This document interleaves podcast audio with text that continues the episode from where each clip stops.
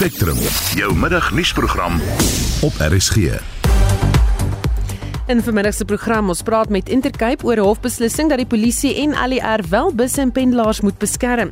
Die RDK begin vandag met onderhoude vir 20 vakante regtersposte. there are only men in those positions. And you can see how that is a problem in terms of the kinds of policies that are developed within the judiciary. Policies like a sexual harassment policy. In groot dele van die land beleef 'n hittegolf. Welkom by Spectrum, die span is redakteur Wessel Pretorius, ons produksieregisseur Johan Pieterse en ek is Susan Paxton.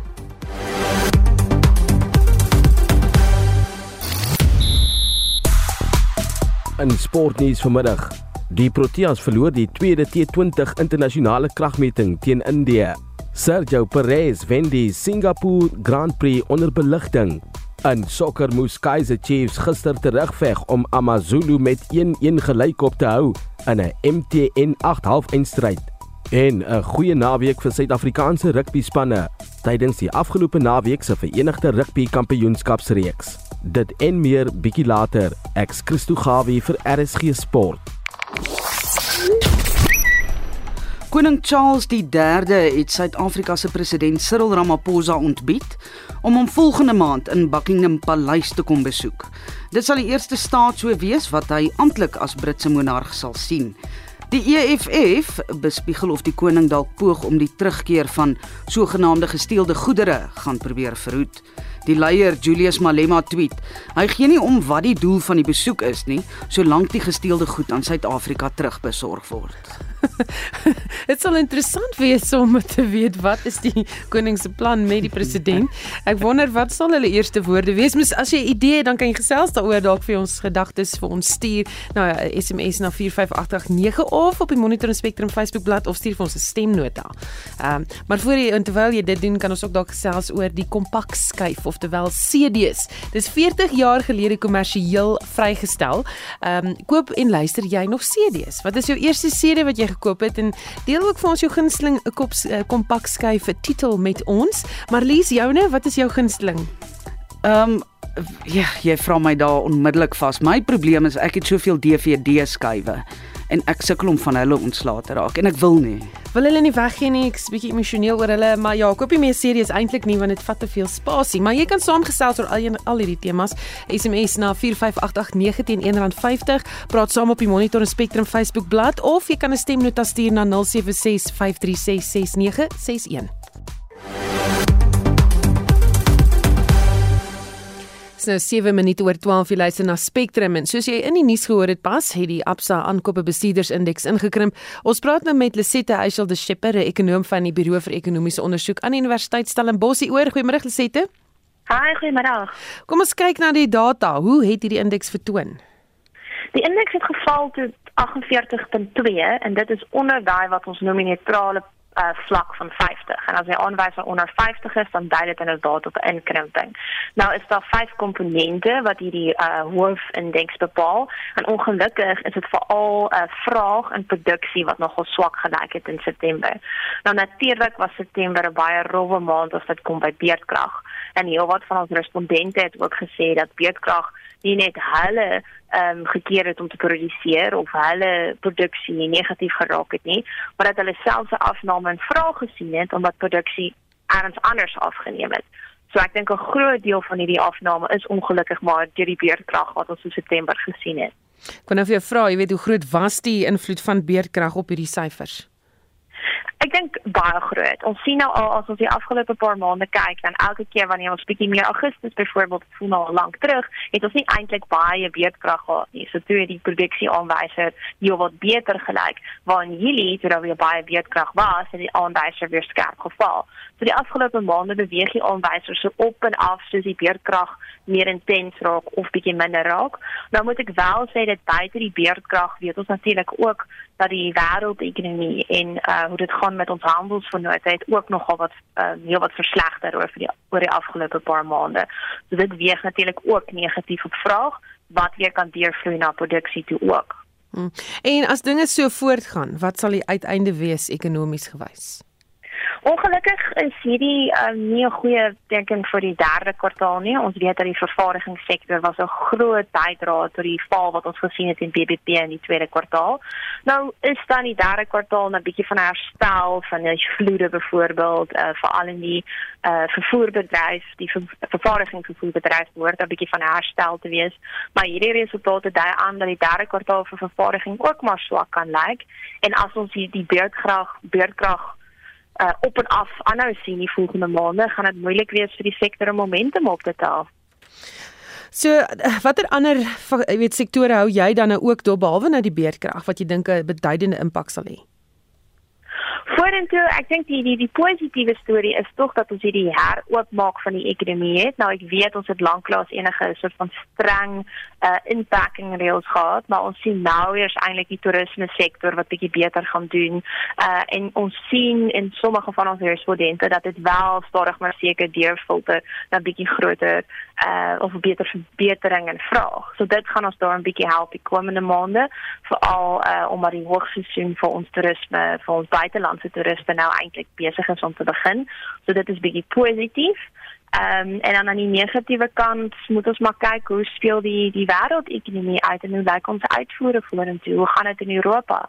Ehm um, hopelik ehm um, een of ander tyd bietjie beter, maar op die oomblik lyk dit ook nie goed daar nie. Baie dankie. Dit was 'n ekonom van die Buro vir Ekonomiese Onderzoek aan die Universiteit Stellenbosch, Lizette Eysel de Schepper. Die minister van vervoer eerder vir Kile en Balula in die Oos-Kaapse ALR vir vervoer Kolile en Kata het 20 dae 'n plan of met 'n plan vorendag te kom oor hoe hulle Intercape busse gaan beskerm teen aanvalle. Die Hooggeregshof in die Oos-Kaap het bevind dat dit wel die minister en ALR se verantwoordelikheid is om beide busdienste en pendelaars te beskerm. Dit na aanvalle op die busdiens Intercape deur beweerde taxi-verenigings. Die aanvalle vind reeds 7 jaar lank plaas en een van die busbestuurders, Bankaya Makana, is in April doodgeskiet na so 'n aanval. Ons praat nou met die bestuurshoof van Intercape Johan Ferreira. Goeiemôre Johan. Middag, middag, hoe gaan dit? Met my gaan dit goed, maar uh, julle busdiens loop deur. Jy beskryf hierdie as terreurdade. Wat presies gebeur met julle?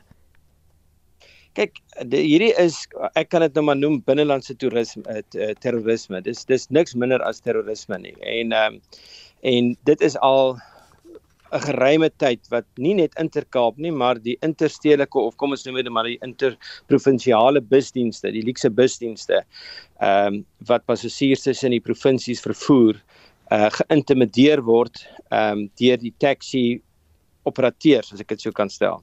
So sedert 2015 het ons geweldig probleme in die Oos-Kaap spesifiek uh in die Oos-Kaap geondervind waar die taxi huurmotorbestuurders, die minibus taxi huurmotorbestuurders by die verskillende busstoppe in die dorpe sal opdaag en verhoed dat passasiers afklim of opklim.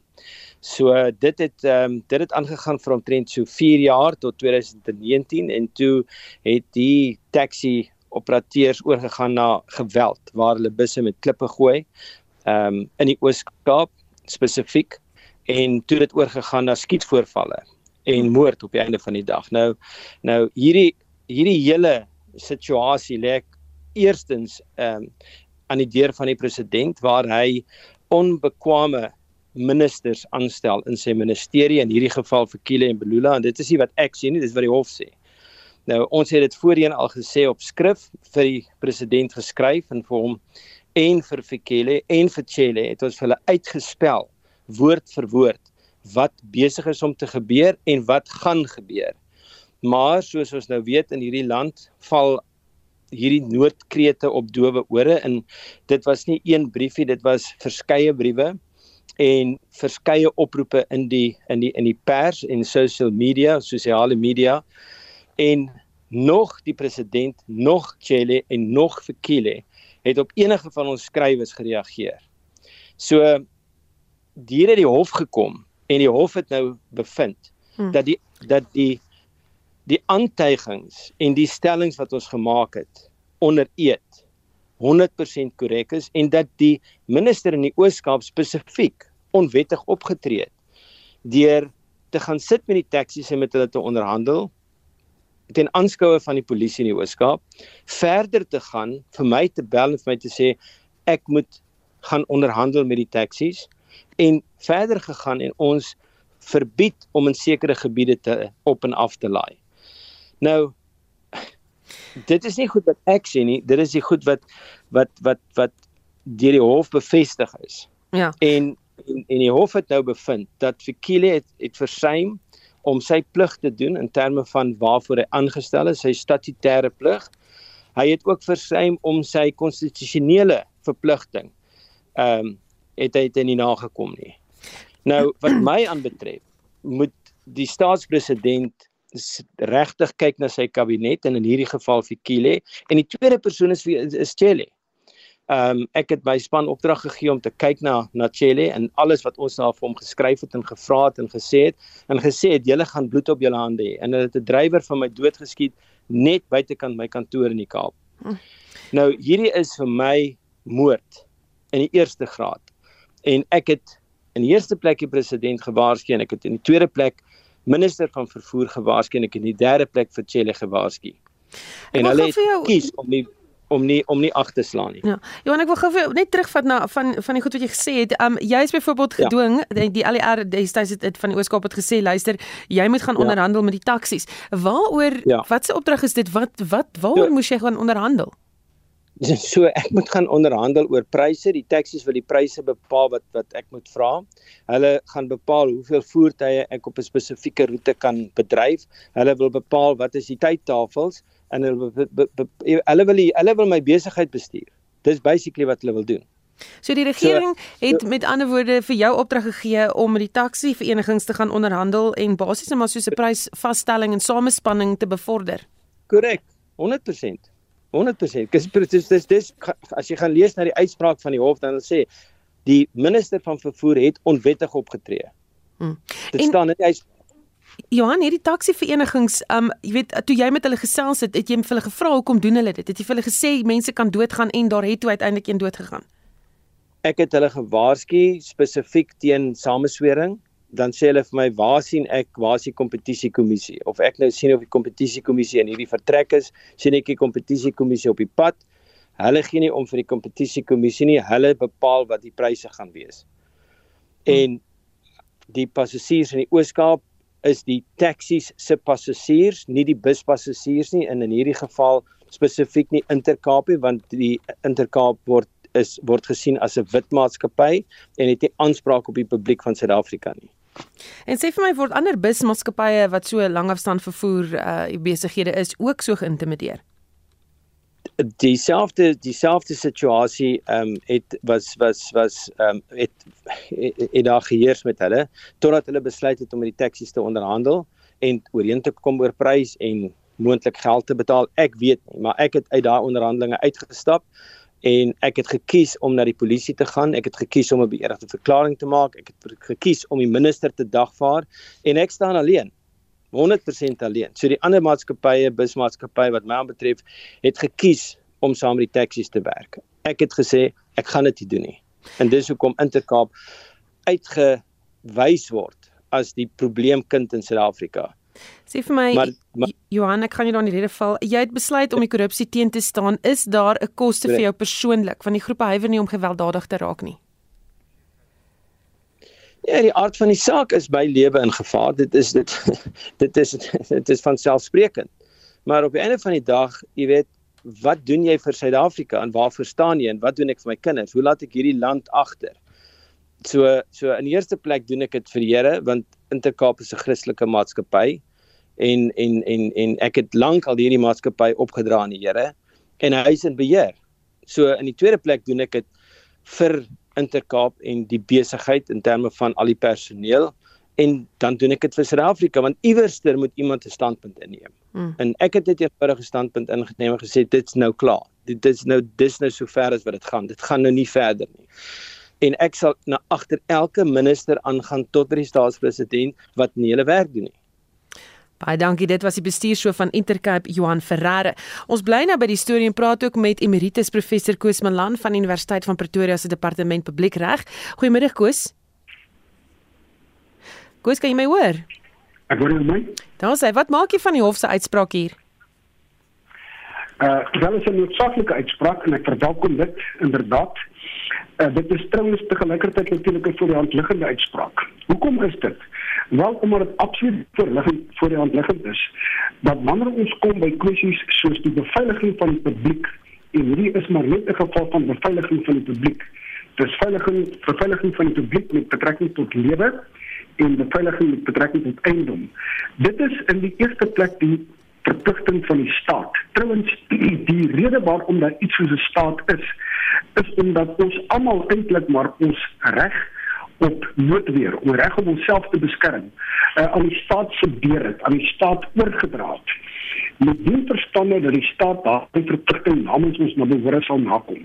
Ja, dit blyk dat uh, hierdie ministers van hier verwys is, Mbalula en dan ook die uh, lid van die uitvoerende komitee vir vir vervoer in die Ooskaap en hulle waarskynlik ook sê uh, en ook die lid van die uitvoerende komitee vir uh, vir veiligheid en sekuriteit in die Ooskaap hierdie dinge nie besef nie. Ja, wat die hof eintlik maar gedoen het is om net die eenvoudige, die basiese eenvoudige realiteit van waarom die staat bestaan weer onder die mense se aandag gebring het en hulle gesê het luister, doen die werk waarvoor jy daar is. Dis baie belangrik. Uh, wat egter gebeur het is dat wanneer ons kyk na die getuienis wat op hierdie oomblik beskikbaar is, dan blyk dit dat die Suid-Afrikaanse staat in beduidende mate reeds verval het in iets soos 'n kriminele staat. En wie is die wie is die is die agente? Wie is die hoofrolspelers in die kriminele staat? Wel, in die eerste plek is dit 'n aantal uh, kriminele syndikaate Uh, ons kry hulle oral, ons kry hulle in die, in die padvervoer die vragbedryf, ons kry hulle in die passasiersbedryf. Uh soos in hierdie geval, ons kry dit natuurlik by die konstruksie mafia en in enige moontlike bedryf wat jy in Suid-Afrika eintlik maar kan noem. En ten aansien van al die dinge en ook nou soos wat meneer Ferreira hier uitgewys het ten aansien van die van die passasiersbedryf, is uh, is hulle die, die een kant is daardie kriminele uh, syndikaate wat skynbaar volgens getuienis hier in die in die uh, in bepaalde gedeelte van die taxi-bedryf uh, saamgevat is. Eintlik in uh, in 'n in 'n 'n soort van 'n bondgenootskap met die ander belangrike element van die kriminele staat van Suid-Afrika. En dit is die staat self meer bepaald senior ministers soos die minister van uh van vervoer en die minister en die en die uh, en die LER uh uh, uh in die wetenskap wat uh, veronderstel is uh, om maar werk te doen maar presies die teenoorgestelde doen en dan eintlik in die verlengde staan van en 'n bevorderaar en agent is uh vir hierdie kriminele syndikaate. Nou wat die hof gedoen het is om 'n eenvoudige ding te sê is dat ek julle nie dit wees nie. Jy moet nie die agent wees van die kriminele syndikaat. Jy moet die teenoorgestelde wees. Jy moet teegang. Dit is wat jy moet doen. Nou wat nou moet gebeur is uh, volgens die um, bevel van die hof is dat uh, die volgende 3 weke uh met die met die respondente in hierdie saak, dit is die ministerie van vervoer sowel op provinsiale vlak in Oos-Kaap as op nasionale vlak. En dan ook uh, die minister van veiligheid en sekuriteit op nasionale vlak en op uh, provinsiale vlak en die Weskaap hulle met 'n plan vir die dag kom te sê wat gaan hulle doen ten einde die busmaatskappye hierdie geval nou Intercape te beskerm. So ons moet sien wat hulle inderdaad gaan doen en dan tweede sal ons moet sien of hulle hoegenaamd daartoe in staat is om uitvoering te gee uh, aan die plan wat hulle vir vir die hof moet voorlê. Baie dankie. Dit was emeritus professor Koos Malan van Universiteit van Pretoria se departement publiekreg. 'n Nuwe Noordwes Groei en Ontwikkeling Spesialispaneel is pas aangewys om 'n hersiende plan op te stel om die provinsie die toekoms in te vat. Die premier van Noordwes, Bushi Mape, is op die paneel en die voorsitter is professor Theo Venter, 'n dosent in praktyk by die College vir Besigheid en Ekonomie aan die Universiteit van Johannesburg. Ons praat nou met hom. Goeiemôre Theo. Hallo Susan. So wat presies is die doel van die paneel? Susan, elke provinsie het eintlik 'n groei en ontwikkelingsplan. Dit mense kan amper sê dis die nasionale ontwikkelingsplan in die kleinste vir elke provinsie wat spesifiek gefokus is op watter aspekte van die provinsiale ekonomie groei en sosiale ontwikkeling daarop gefokus moet word en ons opdrag as 'n 'n spesialistpaneel is om die 2018 plan wat um, wel opgestel is te hersien te verbeter en addisionele goed by te voeg wat ons dink nou meer relevant is as in die toekoms in 'n in 'n provinsie wat natuurlik uh, swaar ly onder onder droogte maar tog 'n 'n baie um, aktiewe landbou het, 'n mynbou wat aktief is en toerisme wat aktief is. Dit is maar eintlik die drie sektore in die Noordwes provinsie waaroor 'n mens kan huis toe skryf.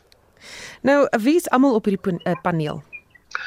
Die paneel is saamgestel uit 9 lede uit. Um, ek is die die die aangewese voorsteur, Abit Laletsi is my ondervoorsitter en dan is daar 'n uh, baie goeie samestelling van ekonome en uh, mense uit die um, ouditeursbedryf. Daar is een of twee kundiges in beplanning, daar's 'n ingenieur of twee. So dit is 'n baie goeie samestelling van kundigheid um, van oor die land. Dis nie net uit die Noordwes provinsie nie. Ek dink ons is maar 4 of 5 wat uit die Noordwes provinsie uitkom, die res is getrek uit ander dele van die land eh, vir hulle kundigheid. Hoe dringend is dit dat julle moet planne of met voor 'n planne moet voor in dag kom vir hierdie provinsie spesifiek? Ek dink dit is redelik dringend. Uh, ons het 'n 'n 6 maande periode om die om die plan te hersien. Ons moet ons eerste konsep aan die einde van Januarie volgende jaar ter tafel lê en dan um, word dit dan gebruik um, as die pad vorentoe en die die belangrike van so 'n plan is natuurlik dit gee vir staatsdepartemente en en en en clusters in die in die regering natuurlik 'n aanduiding van waarop daar gefokus moet word. Maar as mense dit nou op jou eenvoudigste wil stel, dan ehm um, as die drie sektore wat ek net nog genoem het, die belangrikste in die provinsie is, dan het daai drie sektore eintlik al drie vier goed nodig om te oorleef. Hulle het goeie paaie nodig, hulle het infrastruktuur. Hulle het goeie dienste nodig. Ehm um, hulle het ehm um, goeie plaaslike owerhede nodig en dis meer. So die die boustene van so 'n strategie is eintlik daar. Die vraag is net hoe sit jy dit in mekaar en hoe ehm um, skryf jy dit in 'n besluitnemingsdokument vir uitvoering?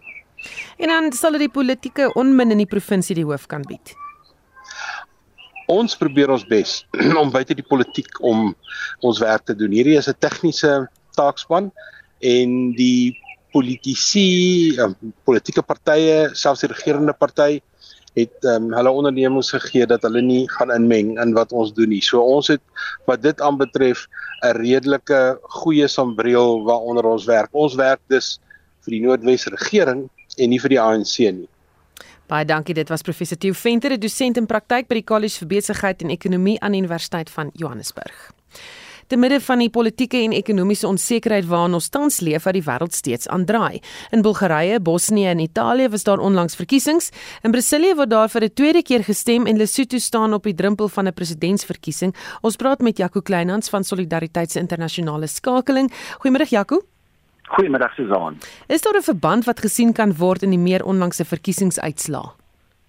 Ek dink tog so Susan, dit is baie interessant. Ons is in 'n verkiesingsseisoen tans um, uh internasionaal soos jy in jou inleiding ook gesê het, jy weet omtrent 15 lande Ehm uh, het verkiesings hier binne 8 weke. As jy dink Swede 2 weke gelede, Tsjechië, Italië verlede naweek. Gister alleen was daar verkiesings gewees uh, in uh, Brasilië die eerste ronde van die presidentsverkiesing. Ons in Quebec en Kanada, Letland, uh, in die Baltiese state, Bosnië en Herzegovina en Bulgarië. Dit is alles belangrike verkiesings. Dis verkiesings wat natuurlik 'n bietjie tans die die uh, temperatuur meet jy weet van uh, waar kiesers wêreldwyd staan in terme van uh, huidige regerings. Um, hoe is hulle gevoel oor die ekonomiese uitdagings tans want daar is globale uitdagings in die wêreld. Die een is ekonomies van aard die ander een is polities van aard. En ek dink die uh, die uh, oorlog in Oekraïne uh, speel oral op een of ander manier in hierdie verkiesings in. So ek dink die die goue draad wat ons wel deur al hierdie verkiesings sien is dat daar 'n soort van populisme nasionalisme is. Uh, mense is baie bekommerd oor die eie belang van lande. Daar's sagte nasionalisme in al hierdie verkiesings want reg oor die wêreld um, is mense bekommerd oor wat die gevolge kan wees van 'n globale resessie en van 'n oorlog in Oekraïne op hulle eie lande se ekonomie, natuurlik ook oor hulle eie sakke. In Brasilië sal daar vir 'n tweede keer gestem word. Nie die huidige president Jair Bolsonaro of sy teenstander Lula da Silva kon meer as 50% stemme kry nie. Die laaste keer dat burgers vir 'n tweede ronde in die stemry moes staan was 24 jaar gelede. Ja, heeltemal uh, tereg en interessant genoeg is dat uh, die nuutste peilings verlede week eintlik gewys het dat Lula da Silva uh, meer as 50% van die stemme sou kry. Nou, hy het natuurlik reeds in die verlede twee termyne gedien uh, as Brasilië se president. Hy was ook in tronk gewees nadat hy skuldig bevind is aan korrupsieklagtes. Daarna het dit weer omgekeer en hy so hy's hy 'n omstrede figuur. Maar Bolsonaro, die huidige president, is natuurlik ook 'n omstrede figuur. Hulle is eintlik so twee teenpole van populistiese ehm uh, uh, soort van politiek binne Brasilië. Ons sien nie eintlik regtig op hierdie stadium 'n soort van hoofstroom uh, politiek in die land nie. Dis dis twee totaal uiteenlopende uh, keuses wat wat kiesers daar het. Um, en dit vergelyk 'n bietjie met die presidentsverkiesing in Amerika 2 jaar gelede toe ons Trump teen Biden gesien het. Baie dieselfde soort van dinamika um, en eintlik 'n verrassende uitslag gister Bolsonaro het beter gedoen as wat die peilings gewys het. De Silva bietjie swakker. Um, maar De Silva is duidelik die die voorloper en die gunsteling om op 30 Oktober verkies te word. Hy het meer as 38% van die stemme gister gekry. Ek dink tog daar lê 'n baie interessante veld op oor die volgende 3 weke daarvoor. Dan Lesotho se algemene verkiesing vind op 7 Oktober plaas. Wat se impak het dit op Suid-Afrika?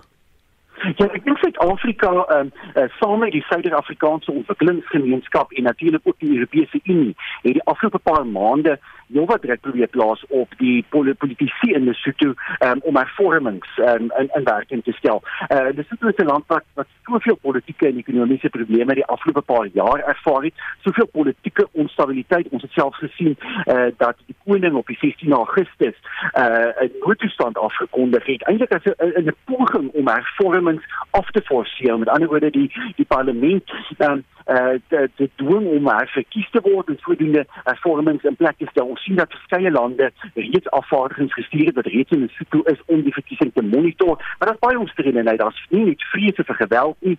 Daar's ook uh vandag beweringe oor uh baie mense wat uh, twee keer op kieserslyste genoem word. Um uh daar's baie oppositiegroepe wat reeds um uitsprake lewer oor hierdie verkiesingsveld tog. En mense kan eintlik maar net hoop dat dat die die uitslag van Vrydag se verkiesing in Lesotho groter stabiliteit maar ook die nodige hervormings sal bring want dit het gevolge vir Suid-Afrika. Dit het gevolge nie net vir die omliggende gebiede in Suid-Afrika om Lesotho nie, maar natuurlik ook ehm uh, uh, is daar 'n groot en belangrike uh, dinamika rondom arbeid en rondom ekonomie wat dit vir Suid-Afrika belangrik maak dat Lesotho wel 'n stabiele regering in plek moet hê.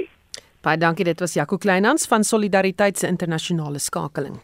Jy luister na Spectrum elke weekmiddag tussen 12 en 1.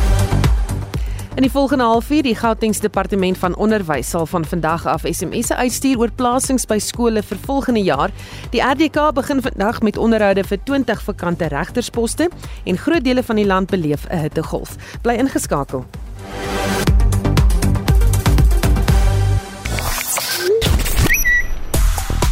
Op sosiale media, Oktober is vervoermaand.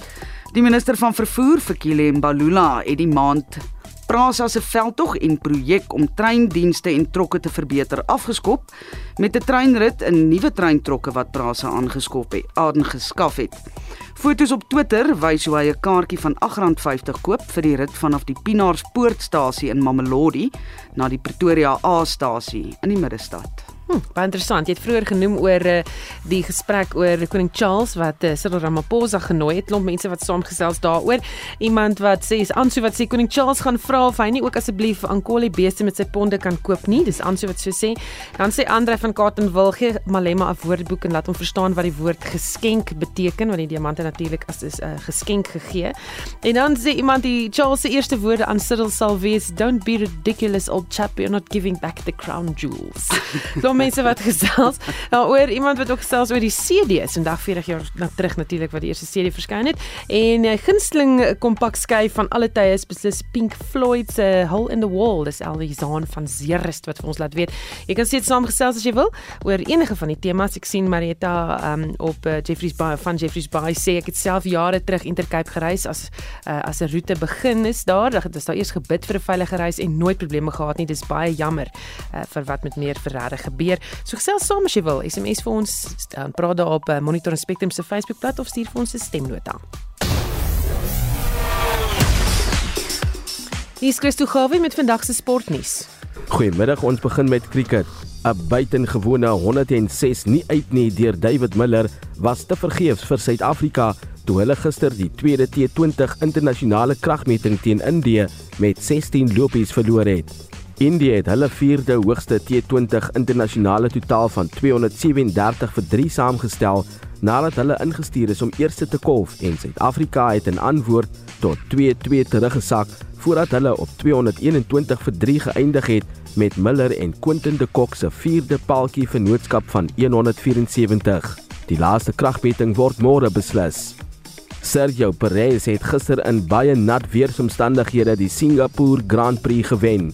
Hy moes egter 'n paar senuweeagtige ure verduur voor sy oorwinning bevestig is toe hy 5 sekondes vir 'n veiligheidsoortreding gestraf is. Ferrari se Charles Leclerc het tweede geëindig met Carlos Sainz derde. Dit was die eerste Grand Prix wat sedert 2019 onder ligte by die Marina Bay Street Circuit gehou is. Max Verstappen het sewende geëindig. In sokker moes Kaizer Chiefs gister terugveg om AmaZulu gistermiddag 1-1 gelykop te hou in 'n MTN 8-half eindstryd eerste been ontmoeting in die FNB stadion. Keegan Dolly het Frank Margo se openingsdoel gekanselleer en die twee spanne sal nou op 23 Oktober in Durban in die tweede been ontmoet met 'n plek in die eindstryd op die spel teen of Mamelodi Sundowns of Orlando Pirates wat se kragmeting die naweek doelloos geëindig het. Die Lions het die Verenigde Rugby Kampioenskapsreeks se naweek goed begin vir Suid-Afrikaanse spanne deurdat hulle met Cardiff Rugby met 31-18 afgereken het Vrydag aand. Saterdag het die Stormers Edinburgh met 34-18 laat les opsê, terwyl die Sharks nalskraap gewen het met 20-19 oor die Dragons. Die Lions begin komende naweek se rugby aksie reeds Vrydag aand teen Edinburgh. Nieu-Seeland se Ryan Fox het gister golf se Alfred Daniel Links Kampioenskap met 1-hou op die Old Course by St Andrews gewen. Alex Noren het in die tweede plek geëindig. Rory McIlroy, die wêreld se nommer 2, het gesamentlik 4de geëindig saam met Rosner. Suid-Afrika se Louis Oosthuizen het gesamentlik 10de geëindig, so ook Kutse gesamentlik 17de, van Tonder gesamentlik 20ste en De Jager gesamentlik 22ste. By die Sanderson Farm Golf Kampioenskap het Mackenzie Hughes heel voor geëindig met 17 onder. Seb Straka het tweede geëindig, gevolg deur Suid-Afrika se Gary Higo en sy landgenoot Dean Burmester derde en vierde met 15 en 16 onder onderskeidelik. Christo Gawie van RSG Sport. Die Gautingsdepartement van Onderwys sal van vandag af tot die 30ste November SMS'e stuur om ouers en voogte van graad 1 en graad 8 leerders in te lig oor plasings by skole vir volgende jaar. Die provinsiale ALR vir onderwys, Panjasa Lesofie, het gister 'n terugvoersessie gehou oor vanjaar se aanlyn registrasieproses. Die departement het meer as 330 000 aansoeke vir graad 1 en meer as 450 000 aansoeke vir graad 8 ontvang. Ons praat nou hieroor met die onafhanklike onderwyskenner Dr. François Nudee. Goeiemôre François. Maar Susan.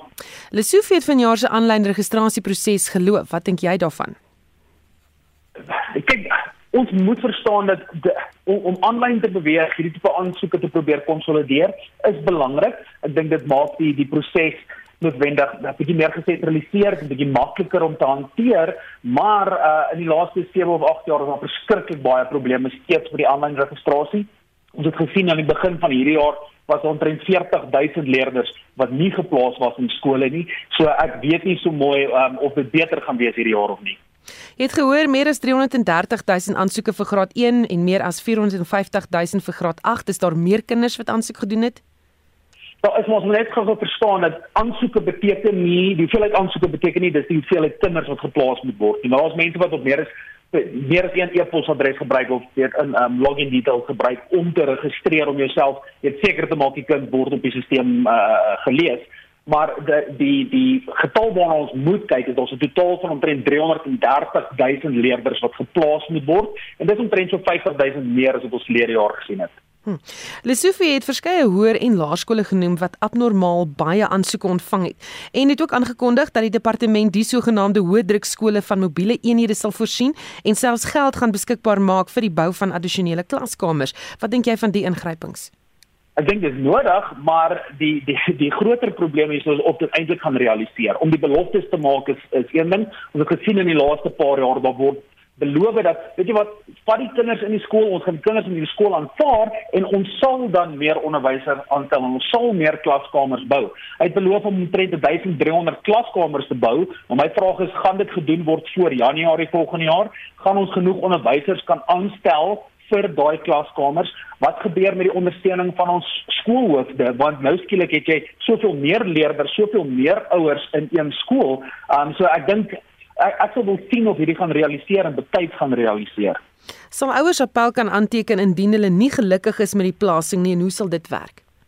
Ek dink jy jy kan binne 7 dae kan jy beswaar aanteken as jou kind nie geplaas word in die ehm um, uh, in die skool van van keuse nie, dan kan jy uh, beswaar aanteken binne 7 dae, jy kan dit aanlyn doen en dan as uh, jy nog steeds nie tevrede is daarmee nie, sal jy kan appeleer. Baie dankie, dit was Dr. Frans Janudee, 'n onafhanklike onderwyskenner. Die regtelike dienskommissie begin vandag met onderhoude vir 20 vakante regtersposte in die Hooggeregshof, die Kieshof, die Mededingingsappelhof en die Grondeishof. 42 kandidaate het die kortlys gehaal en vir meer hieroor praat ons nou met ons spesialis verslaggewer Sye van der Walt. Goeiemôre Sye. Goeiemôre Susan. So vir die van ons wat nou nie weet nie, verduidelik asseblief kortliks hoe die onderhoudsproses werk en wie is daarbey betrokke. Regs en nou ons weet twee keer 'n jaar vind hierdie onderhoude plaas in April en dan Oktober. So van nou die 3de tot die 10de Oktober vind vind hierdie um onderhoude dan plaas in Johannesburg. Daar's 23 kommissarisse wat deel uitmaak van die regtelike um kommissie en ek sal graag net 'n bietjie wil praat oor wie almal nou op hierdie hierdie paneel sit. Natuurlik is daar die hoofregter Raymond Zondo, ons almal is bekend met hom, 'n verteenwoordiger van die Hooggeregshof is daarso, dan die spreker van die parlement Nosiviwe Mapisa Nkula.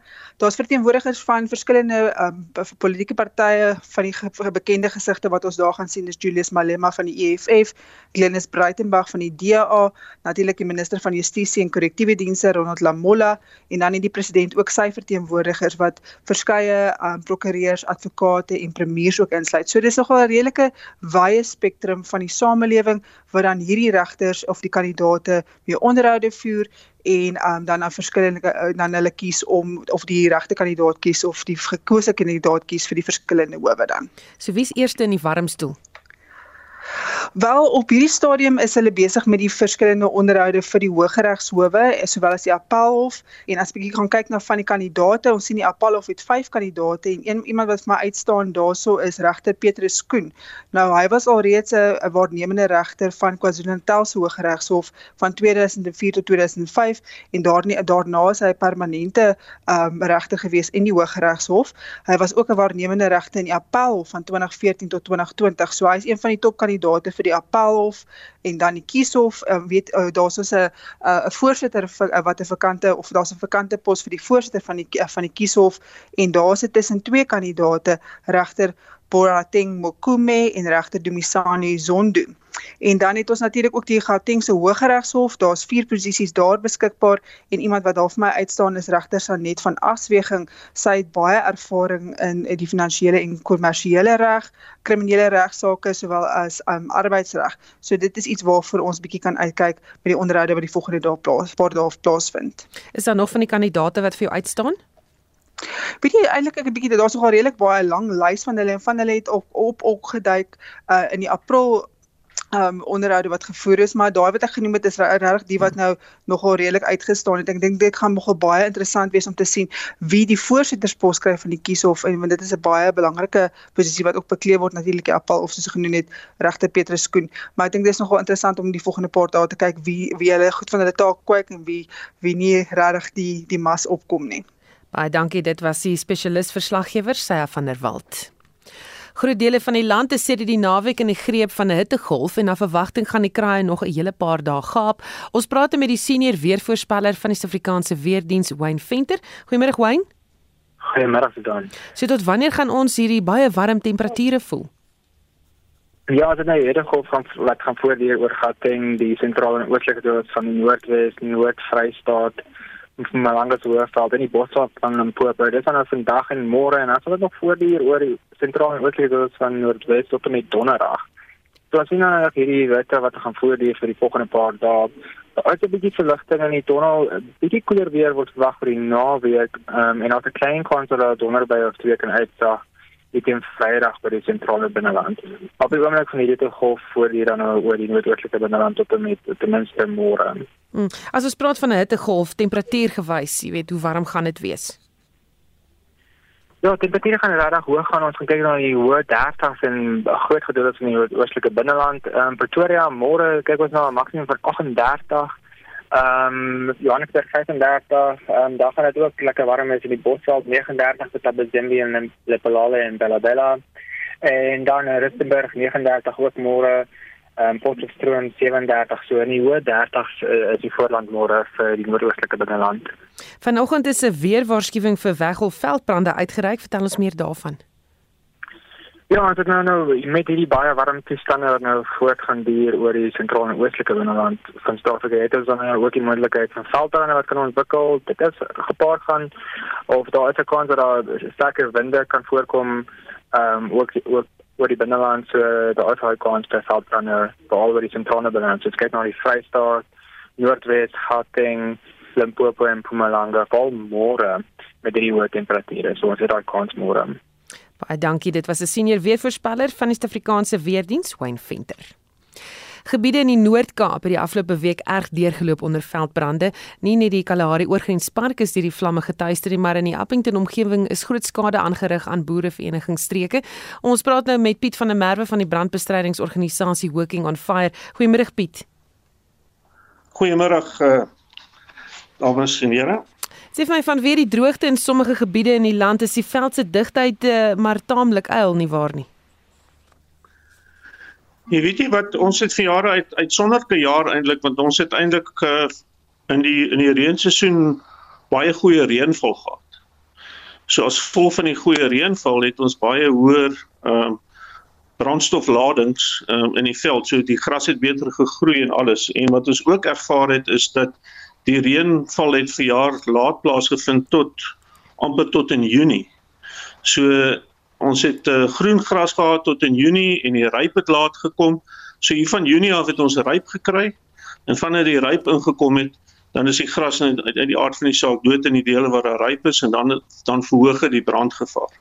Ons het eintlik gevind dat ons uh, tot Julie het ons baie minder vure gehad as in die vorige jaar en ons het ook baie minder area wat gebrand het. Ons het nou van Augustus af sien ons dat die aantal vure het begin toeneem. Ons het byvoorbeeld vir Augustus uh, 130% gehad vir die aantal vure in vergelyking met verlede jaar, maar die oppervlak wat gebrand het was laer, 45%. Hmm. September is omtrent dieselfde hoeveelheid vure as wat ons gehad het verlede jaar, maar die area wat gebrand het is ook minder.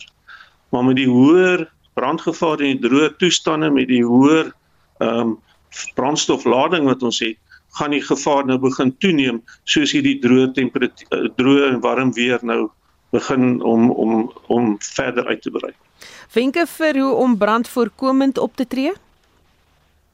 Op hierdie stadium is dit 'n kwessie van mense kan nie nou meer bane brand dit seker goed maar dit gaan nou oor die gereedheid. As daar vuur is, probeer daai vuur so gou as moontlik blus en hoe gouer jy by die vuur kan kom en en boere en en en bure moet maar net saamwerk om daai vure so gou as moontlik te blus sal ons die vure beperk en dit is die tendens wat ons op die oomblik sien ons baie goeie samewerking tussen grondeienaars om so gou as moontlik vure te blus ek het gister gesien van een boer in die in die in die Appington area wat 160 km gery het om ander boere te gaan help. So dit's maar waaroor dit gaan. Ons gaan moet saam staan, ons moet so gou as moontlik die vure blus en so vinnig as moontlik by 'n vuur uitkom. Baie dankie. Dit was uh, Piet van der Merwe van Working on Fire en intussen het die dierebeskermingsvereniging wenke uitgereik om jou troeteldier teen die hitte te beskerm wat ons tans ervaar. Moenie hulle nie in 'n voertuig los nie. Sy paadjies kan so warm word dat dit die kussentjies op die hond se uh, pote brand. Moenie hulle hare te kort skeer nie omdat dit beskerming teen die son bied en ook help om hulle af te koel. Moenie in die hitte van die dag met hulle gaan stap of hardloop nie en maak seker dat hulle genoeg water het om te drink elke dag. Die sakenis word aangebied deur Dion Goosen, portefeuljebestuurder by Netbank Koöperatiewe Beleggings. Goeiemôre Dion. Middag Suzan en goeiemôre aan die luisteraars. Ja, die sterker dollar, rentekoersverhogings en onsekerheid het wêreldmarkte in die rooi laat vir September. Die MSCI wêreldindeks het 9.1% laer gesluit vir die maand en die Suid-Afrikaanse algehele indeks het net so 4.1% gedaal. As ons kyk na Asië vandag, die Hong Kong Hang Seng verswak met 0.8%. Die Japanese Nikkei is wel op met 1.1% en die Australiese ASX 200 het ook laer gesluit by 0.3%. In Europa Die Britse FTSE 100 is swakker met 0.6% vanoggend. Die Franse CAC 40 0.8% laer en die Duitse DAX is af met 0.6%. Plaaslik verhandel die mark onveranderd teen 63709 punte. Die finansiële indeks is af met 0.2%. Die nywerheidsindeks is af met 0.3% en dan die Hulbron indeks is sterker met 0.4%. Aan die kommoditeitkant goud versterk met so 0.3% en verhandel by 1666 dollar per fyn ons. Platinum is op met 0.5% en verhandel teen 869 dollar per fyn ons. En dan Brent, die olie is ook sterker 3.9% op en verhandel teen 88 dollar 49 sent per vat. Wisselkoerse, die dollar sal vir jou R18.06 kos, 'n pond R20.22 en 'n euro R17.66. Dan die rentekoerse, die R2030 verhandel tans teen 10.87%. Voor vandag is die vervaardigingsindeks bekend gemaak met 'n syfer van 48.2 teenoor verwagte syfer van 53. Die laer verwagte syfer is grootliks weens beerkrag se impak op produksie. En dan kan luisteraars ook verder uitkyk na die voertuig aankoopsyfers wat later vandag vir die jaar op jaar eh, sowel as September bekend gemaak gaan word. Die verwagte syfer is so 49800. Die vraag natuurlik is hoe die hoë rentekoerse voertuigverkope sal beïnvloed. Dankie Susan en dis dan die einde van die sake nuus. Dit was Dion Gosen by Netbank Korporatiewe Beleggings.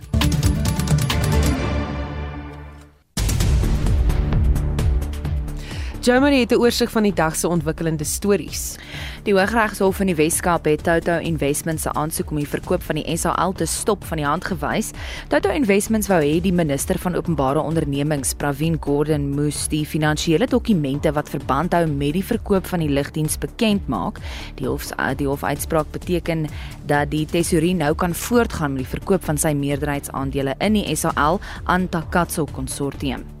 Die Hooggeregshof in die Oos-Kaap het bevind dat die minister van vervoer en die provinsiale ALR vir vervoer verantwoordelik is vir die beskerming van Intercape busse. Dit volg na die voortsleepende aanvalle op busse en pendelaars na bewering deur taxi-verenigings. Ons het professor Koos Malan van die Universiteit van Pretoria gevra vir sy mening oor die uitspraak.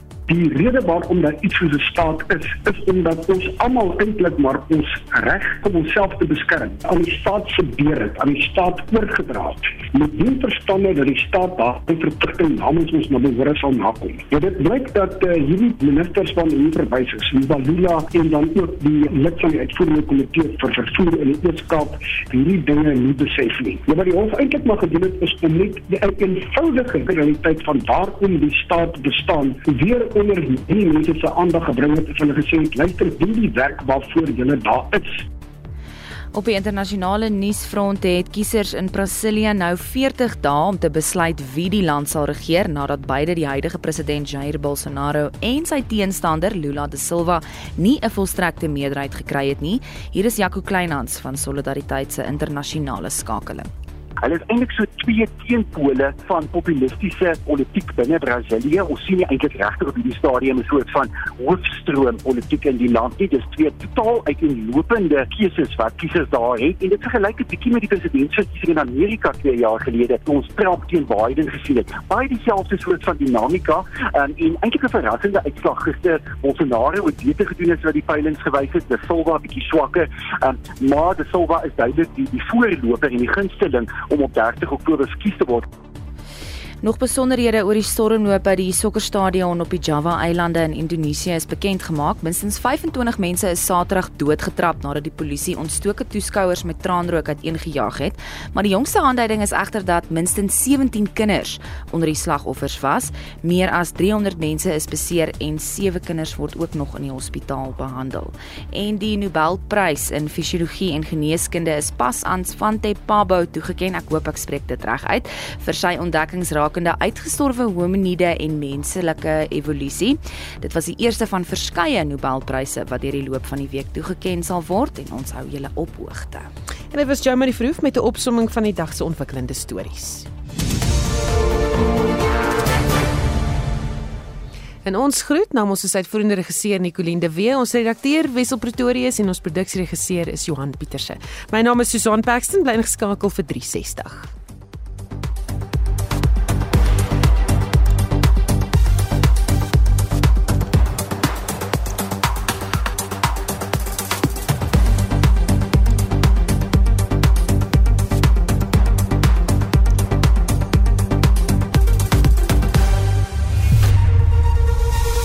SAK nuus. Onafhanklik, onpartydig.